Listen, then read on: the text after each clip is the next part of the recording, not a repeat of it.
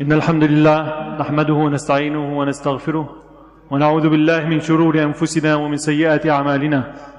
من يهده الله فلا مضل له ومن يضلل فلا هادي له. وأشهد أن لا إله إلا الله وحده لا شريك له وأشهد أن محمدا عبده ورسوله.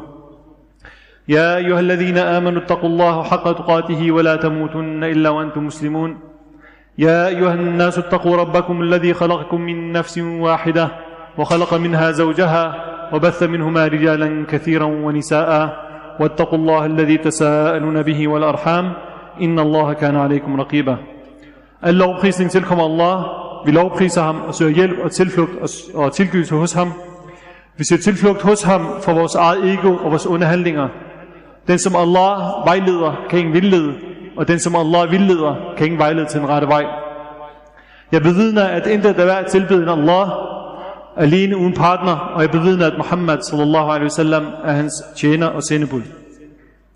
Kære brødre og søstre, vi har i de seneste uger snakket om det her bånd, familiebånd, slægtskabsbånd, blodsbånd, man har til sin familie. Vi har været inde på, hvordan man skal agere over for sine forældre, hvordan man skal behandle sine forældre, og man skal have det tætteste bånd til sine forældre, og aldrig afbryde den her forbindelse til ens forældre, uanset pris. Vi har udvidet den her cirkel lidt og snakket om familie, andre familiemedlemmer, onkler, fædre, kusiner, fastre, bedsteforældre osv.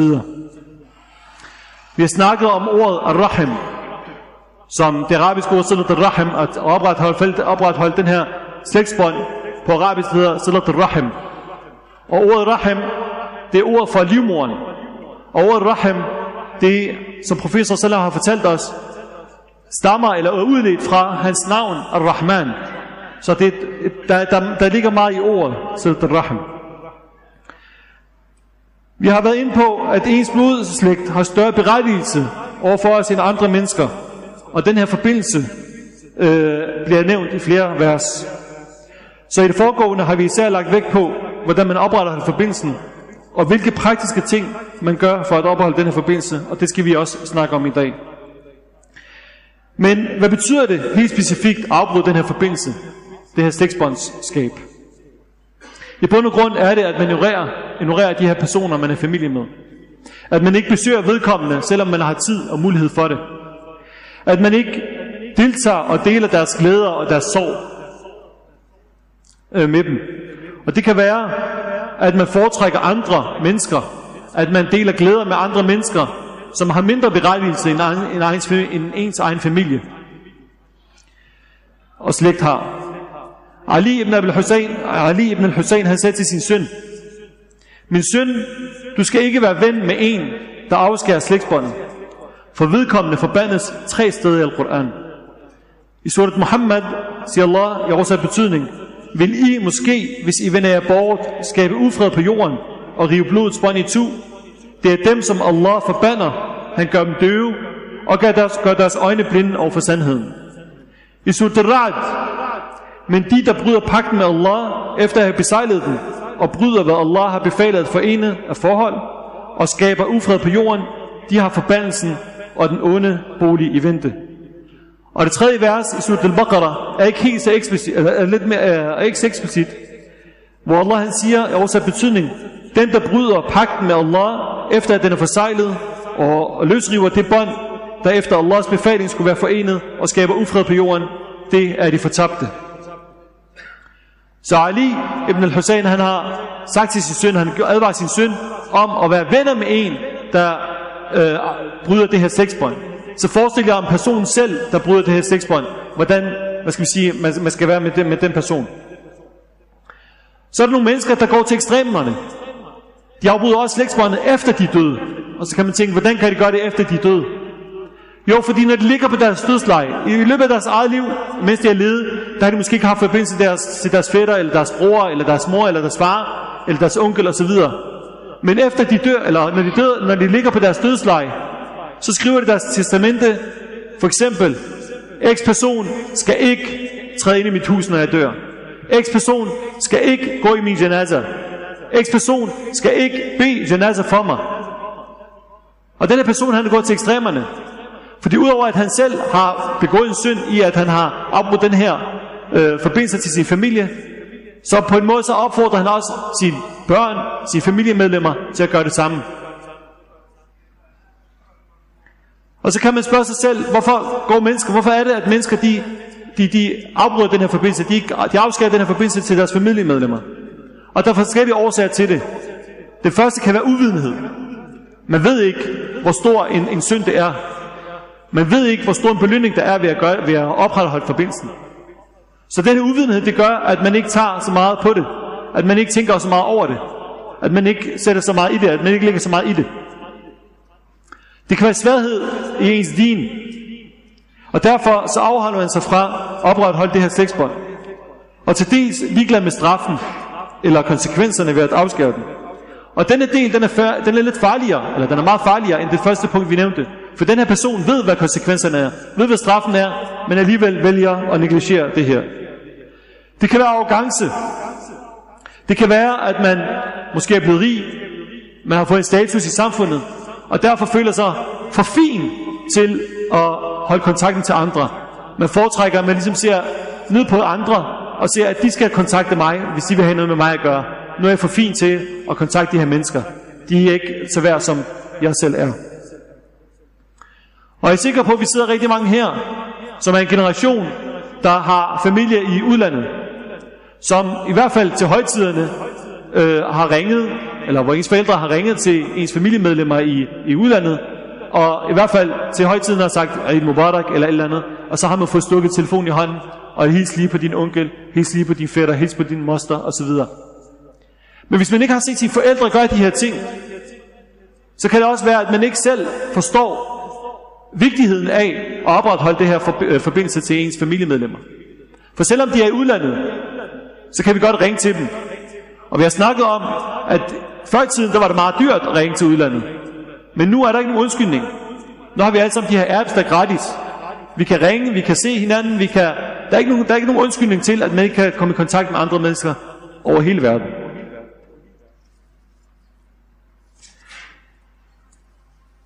Og så kan det også være, at man har haft en lang periode uden kontakt til en person.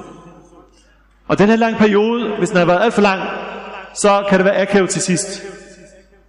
Man ved ikke rigtig, hvordan, hvordan man skal begynde. Hvem skal ringe til hvem? Er det mig, der skal starte? Er det vedkommende, der skal ringe til mig? Skal jeg vente på et opkald fra vedkommende? Eller skal jeg tage selv initiativ? Og når det går for lang tid, så, så, så er det som om, man glemmer det. Så gider man ikke gøre noget ved det. Så tænker man, okay, hvis han vil have noget med mig at gøre, så lad ham ringe til mig, eller lad hende ringe til mig. Men det er også en forkert indstilling at have. Så tag, tag selv initiativ til det her. Det kan være nærhed. Det kan være også igen, hvis man har fået en masse, Allah har givet en masse rigdom, at man er bange for, at vedkommende, når han kommer hjem til mig, spørger mig om penge, fordi vedkommende ikke har så meget, som jeg har. Og så derfor så prøver man at, ligesom at ikke holde forbindelsen, og ligesom at sætte vedkommende til side. Og det kan være, at man bare optager dunja, optager sit arbejde, optager sit hverdag, sin fritid, og derfor så har man ikke hvad skal man sige, sat tid af til at besøge sine familiemedlemmer, eller at holde kontakten til ens familiemedlemmer. Det kan være misundelse. Det kan være, at man ser, at der er en person, som har et eller andet, som man ikke selv har, og misunder den her person, så man gider ikke tage kontakt til den her person, fordi man tænker, at Nå, ham der, han tror, han er lidt for fin til mig. Og så vil jeg ikke tage kontakten til den her person. Og det er også en farlig ting at falde i. Mistillid mellem familiemedlemmer. Og denne mistillid til familiemedlemmer, det kan føde had, det kan føde vrede, det kan føde, at man, øh, ja, at man skaber endnu mere splid mellem familiemedlemmerne. Og så kan din ægtefælle også være årsag til, at du afbryder forbindelsen til dine familiemedlemmer. Fordi hvis din ægtefælle ikke kan lide din søster, eller hvis din ægtefælle ikke kan lide din bror, eller hvis din ægtefælle ikke kan lide din mor eller far, og hele tiden snakker med dig om det, så kan shaitan også komme ind og, og sige nogle ting til dig, så du selv begynder at afbryde den her forbindelse til ens familiemedlemmer. Det kan også være farligt. Så de her ting, det er det, vi skal holde os fra. Vi skal prøve at arbejde imod det, inshallah. Vi beder Allah subhanahu wa ta'ala om at give styrke til at opretholde det her slægtsbånd.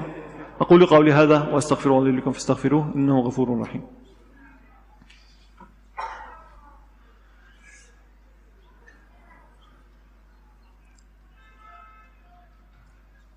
بسم الله والصلاة والسلام على رسول الله وعلى آله وصحبه ومن والاه Så når vi snakker om, hvilke ting, der kan være årsag til, at man, man afbryder den her forbindelse, men hvilke værktøjer er der for, at man bliver ved med at opretholde den her forbindelse?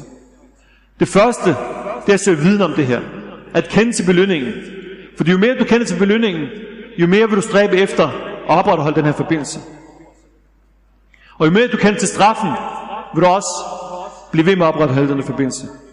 Så at man dykker ind og læser om det, at man sikrer, at du er oprigtig med Allah subhanahu wa ta'ala i alt hvad du gør, og bliv ved med at spørge Allah subhanahu wa ta'ala om hjælp og succes, og hold dig til det, som, Allah, øh, som det behager Allah subhanahu wa ta'ala. Og hvis en person gør dig noget uret, så tilgiv den her person. Og gør noget godt for dem. Allah han siger, i oversat betydning, det gode og det onde er ikke lige. Afværg det onde med noget, der smukker, og så vil den, som du havde fjendskab til, blive som en hjertelig ven.